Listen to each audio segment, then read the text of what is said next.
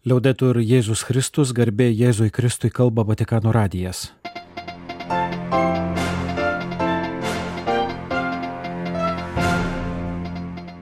Malonus klausytojai šioje programoje. Popiežiaus katecheze apie liūdėsi, kuris padeda ir apie liūdėsi, kuris sargdina. Bei malda už karo žydinių užgesinimą. Vaikai iš gazos ruožo Italijos ligoninėse Nauja studijų programa Romoje skirta paliatyvios slaugos psichologijai ir etikai. Moterų autoritetas ir vadovavimas ankstyvojoje bažnyčioje.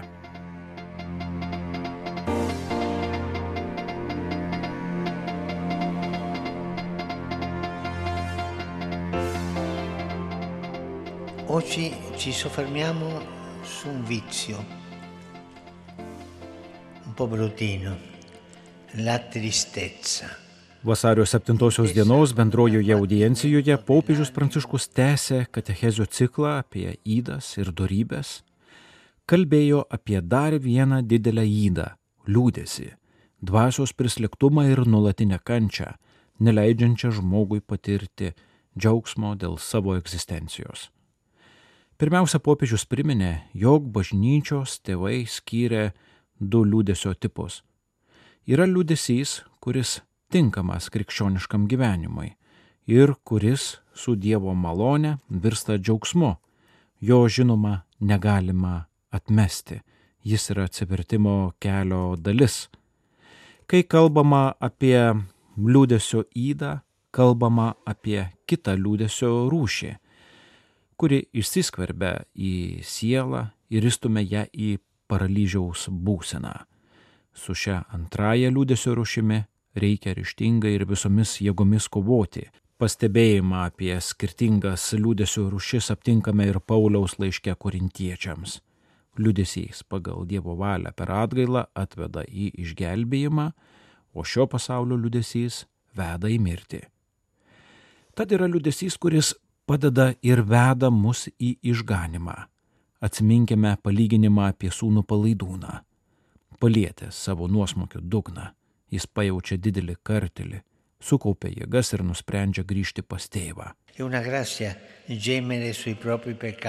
Geras liudesys yra malonė, kuri padeda apverkti savo nuodėmės, atsiminti prarastą malonės būklę, liūdėti dėl prarasto tyrumo, kuriame Dievas nori mus matyti. Bet yra kitas liudesys, kuris yra sielos lyga. Jis gimsta žmogaus širdyje, kai dinksta troškimas, arba viltis. O mes tikėjomės, kad jis atpirksęs Izraelį, neslepia nusivylimų į Amausą keliaujantis mokiniai, kalbėdamiesi su prisartinusiu nepažįstamuoju, kuris buvo ne kas kitas, o pats Jėzus. Liūdėsio dinamika yra susijusi su praradimo patirtimi. Žmogaus širdyje gimsta viltis, kurios kartais nuviliamos. Tai gali būti ir troškimas, ką nors turėti, kuris neišsipildo, o kartais ir iš tiesų svarbus įvykis, kaip kad netikimas to, kurį mylėjome.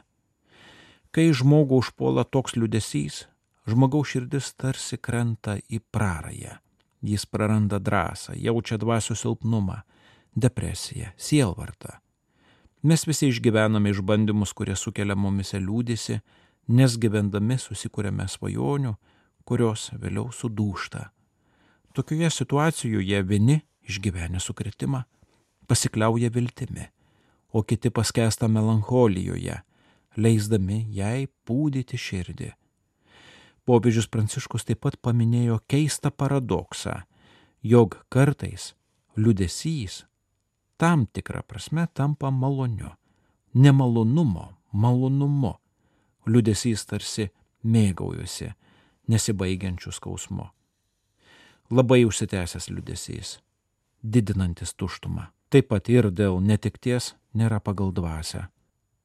Piktas kartelis, dėl kurio žmogus visada randa pretekstą apsirengti aukos rūbais, negimdo mumise sveiko ir jo labiau krikščioniško gyvenimo. Visi esame patyrę kažką, ką reikia išgydyti. Kitaip, liudesys iš natūralios emocijos gali virsti bloga dvasios būsena. Liūdėsio demonas yra klastingas. Dikomos tėvai jį taikliai apibūdino kaip širdies kirminą, kuris greužia ir ištuština tuos, kuriuos apsigyveno. Tačiau su juo taps lengva kovoti, jei mąstysime apie Kristaus prisikelimą. Tikėjimas išveja baimę, o Kristaus prisikelimas nuritina tarsi akmenį liūdėsi. Kad ir koks pilnas būtų gyvenimas prieštaravimų, neišpildytų truškimų, neįgyvendintų svajonių, prarastų draugyšių, dėl Jėzaus prisikelimo galime tikėti, kad viskas bus išgelbėta. Pasvarstykime. E e e. Ar mūsų liudesys yra geras, ar mūsų liudesys yra blogas. Ir tada atitinkamai elgiamės, kvietė popiežius Pranciškus. Vasario 7-osios bendrojoje audiencijoje popiežius Pranciškus kaip įprasta atkreipė savo klausytojų dėmesį į žmonių kančią Ukrainoje, Palestinoje, Izraelyje ir ten, kur siaučia karai. Palestina, Israele. Karas yra pralaimėjimas, melskime už tai, ką jos labai reikia, sakė jis. Popiežius priminė sekmadienį švesimą Liurdo Dievo motinos iškilmę, o tarp audiencijos dalyvių sveikino daugybę mokyklinio amžiaus vaikų iš Prancūzijos. Trečiadienio ryte popiežius Pranciškus telefonu kalbėjusi su Jeruzalės lūtynų patriarchu kardinolu Pierre Batista Pizzabala. Kaip keletą kartų buvo paminėjęs pats šventasis tėvas, pastaruoju laikotarpiu jis kasdien trumpam susisiekė su gazos rože esančia katalikų parapija, kurioje prisiglaudė keli šimtai žmonių, įskaitant motinos Teresės seserų slaugomus senelius. O patriarchas yra pažymėjęs Pranciškus yra vienas iš tų, kurie, nepaisant rodos neišsemiamo priešiškumo ar neapykantos su didelė kantrybė audžia ryšius ir kuria sąlygas kalbėjimuisi. Beje, tarp kitų ir dėka Jeruzalės lūtynų patriarchato tarpininkavimo pastarosiomis dienomis galėjo pasiekti dvi grupės vaikų iš gazos ruožo, kuriems reikia skubaus gydimo arba skubių operacijų dalis jų atvyko į Romos katalikišką kūdikėlio Jėzaus ligoninę. Galima priminti, jog humanitarnės pagalbos teikimas ir tarpininkavimas yra tai, ką šventasis sostas šiuo metu stengiasi daryti ir Rusijos pradėto karo Ukrainoje kontekste. Daug kartų į Ukrainą keliavo kardinolas Konradas Krajevskis, Šventojo sosto gailestingosios meilės dikasterijos prefektas ir popiežiaus išmaldininkas, asmeniškai lydėdamas konvojus iš Romos, gabenusius popiežiaus Pranciškaus, ukrainiečių Romoje ir visų nebejingų surinktą humanitarinę pagalbą. Ukrainos graikų katalikų Šventojios Sofijos bazilika Romoje tapo dideliu surinkimo ir paskirstimo punktu. Kaip žinia, Rusija atmetė popiežiaus Pranciškaus kvietimą priimti tarpininkavimą pagrindiniu taikos klausimu, tačiau sutiko atsižvelgti bent kai kuriais atvejais į šventojo sosto prašymus liečiančius į Rusiją deportuotų vaikų sugražinimą ukrainiečių šeimoms arba apsikeitimą belaisviais ir jų išlaisvinimą. Tai yra paminėję ir Ukrainos valdžios atstovai. O šiomis dienomis dar kartą priminė Ukrainos graikų katalikų bažnyčios vyriausiasis ganytojas Svetoslavas Šepčiukas. Paskutinėjame kasavaitinėme vaizdo kreipimąsi, sekmadienį, didysis arkivyskupas pasidžiaugė vienu karo ir prievartos kontekste įvykusiu šviesesniu įvykiu - 207 karo belaisvių sugrįžimu į Ukrainą. Jauniausiam 20 metų, o vyriausiam 61. Svetoslavas Šepčiukas padėkojo visiems, kurie padėjo jiems sugrįžti. Tarp jų ypatingai dėkoju šventajam tėvui Pranciškui. Tarp išlaisvintųjų yra gydytojai iš Mariupolio, kurių sąrašą parengtas Ukrainos medikais prieš metus kartu su visų Ukrainos bažnyčių ir religinių organizacijų tarybos nariais asmeniškai įteikėme popiežiui, sakė graikų katalikų bažnyčios ganytojas. Deja, pridūrė jis, baigiantis antriesiems karo metams, agresorius nežada trauktis, priešingai žada intensyvinti karo veiksmus. Svetoslavas Šepčiukas padėkojo Europai, Junktinėms Amerikos valstijoms, ir visiems, kurie padeda Ukrainai jos kovoje už laisvę.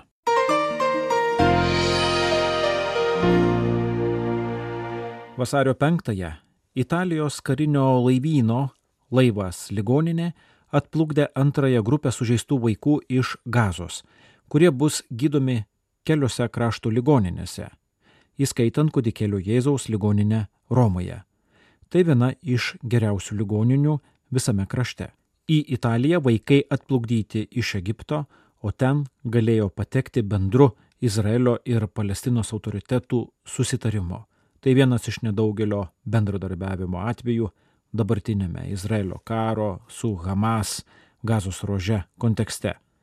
Specijos jūrų uoste vaikus ir juos lydinčius asmenys pasitiko Italijos užsienio reikalų ministras Antonijo Tajani ir tėvas Ibrahimas Faltas, pranciškonas, einantis Šventojios žemės kustodijos vikaro pareigas.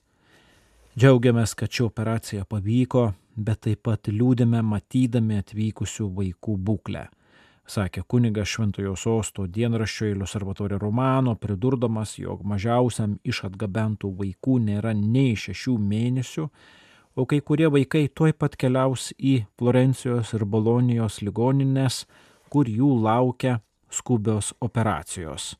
Kaip minėta, keli vaikai bus atvežti į Romos pediatrinę katalikišką ligoninę Bambino džezų. Tai jau antroji mažųjų pacientų grupė iš gazos, kuriuos priema šį ligoninę. Pirmoji atvyko sausio 29 dieną. Jų sveikatos būklė leido juos atskraidinti Italijos karinių oro pajėgų lėktuvu pritaikytų ligonėms. Kai kalbama apie paliatyvėją slaugą, dažnai įsivaizduojama, kad tai apima tik skausmą paskutinėje gyvenimo stadijoje. Tačiau nors paliatyvioji pagalba negali nustatyti lygos progresavimo ar sveikatos būklės atsigavimo, ji rūpinasi simptomų gydimu ir skatina bendrą geresnę žmogaus savijautą itin pažeidžiamomis sąlygomis siekiant konkrečiai atsiliepti į didėjantį specialistų, galinčių rūpintis ligoniais ir jų sveikatos sąlygomis poreikį, Mokslo ir gyvenimo asociacija, bendradarbiaudama su Europos universitetu Romoje, šiais metais pristato paliatyvios slaugos psichologijos ir etikos magistro laipsnį. Studijos vyks nuotoliniu būdu nuo vasario iki lapkričio mėnesio.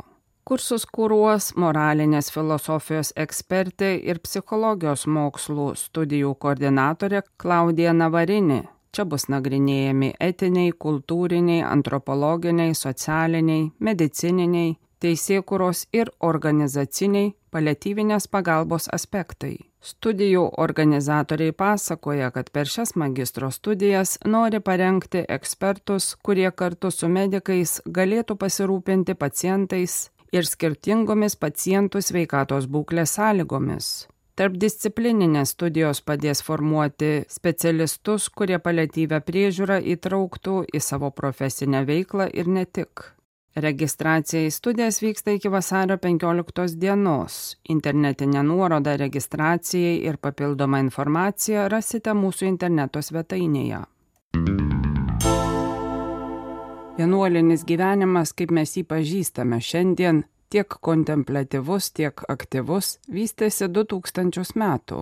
Kristin Šenk, remdamasi literatūriniais dokumentais, pasakoja apie moteris ankstyvojoje krikščionybėje, Pasakojimą Kristinšenk pradeda prisiminimu iš jaunystės. Kai buvau jauna vienuolė Šventojo Juozapo kongregacijoje Klyvlende, labai norėjau suprasti, kas buvo mūsų tikėjimo pramotės. Nors aistringai mėgstu Biblijos tekstus, man dažnai sunku juose atpažinti save, nes mūsų tekstai beveik visada kalba apie tikėjimo protėvius vyrus.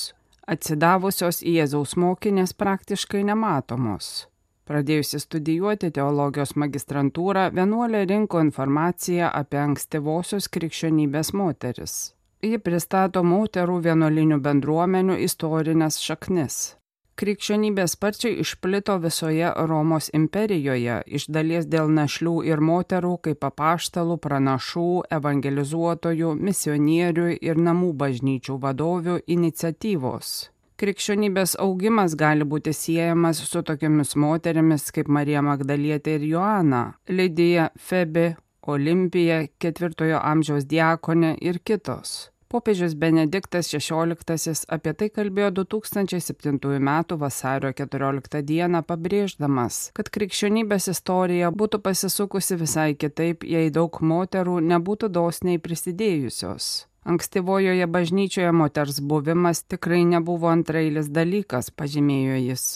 Žinomas ankstyvosios bažnyčios kritikas Kelsas nedaug kalba apie moterų evangelizavimą, tačiau pateikė įrodymų apie moterų iniciatyvą ankstyvojoje krikščionybėje teikdamas, kad krikščionis įtikinėjo žmonės palikti savo tėvus ir mokytojus ir eiti su moterimis ir vaikais, žaidimų draugais į moterų namus, į odininko raudėjų dirbtuves.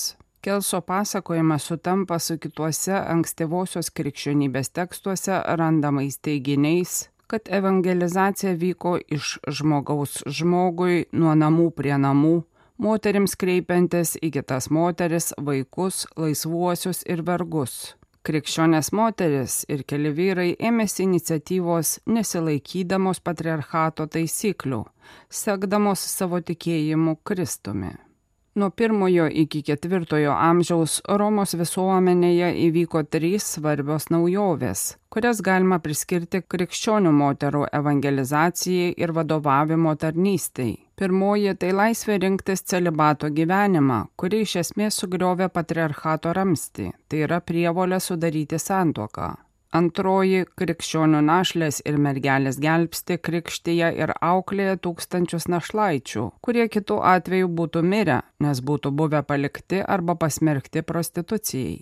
Trečioji naujovė yra ta, kad moterų ryšių palaikymo ir evangelizacijos veikla atlieka lemiamą vaidmenį Romos visuomeniai transformuojantis iš pagoniškos į krikščionišką kultūrą.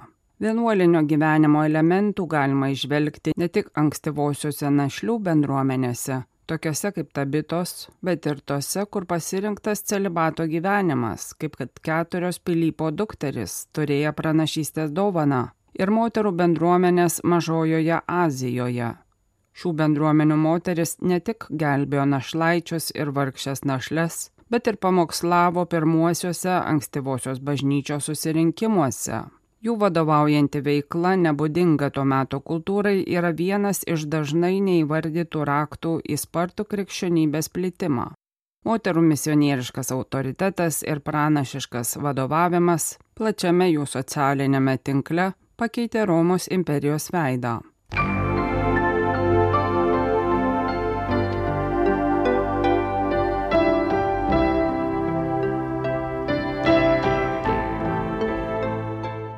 Malonus klausytojai laidą lietuvių kalbą baigiame. Kalba Vatikano radijas. Garbė Jėzui Kristui, liaudai turi Jėzus Kristus.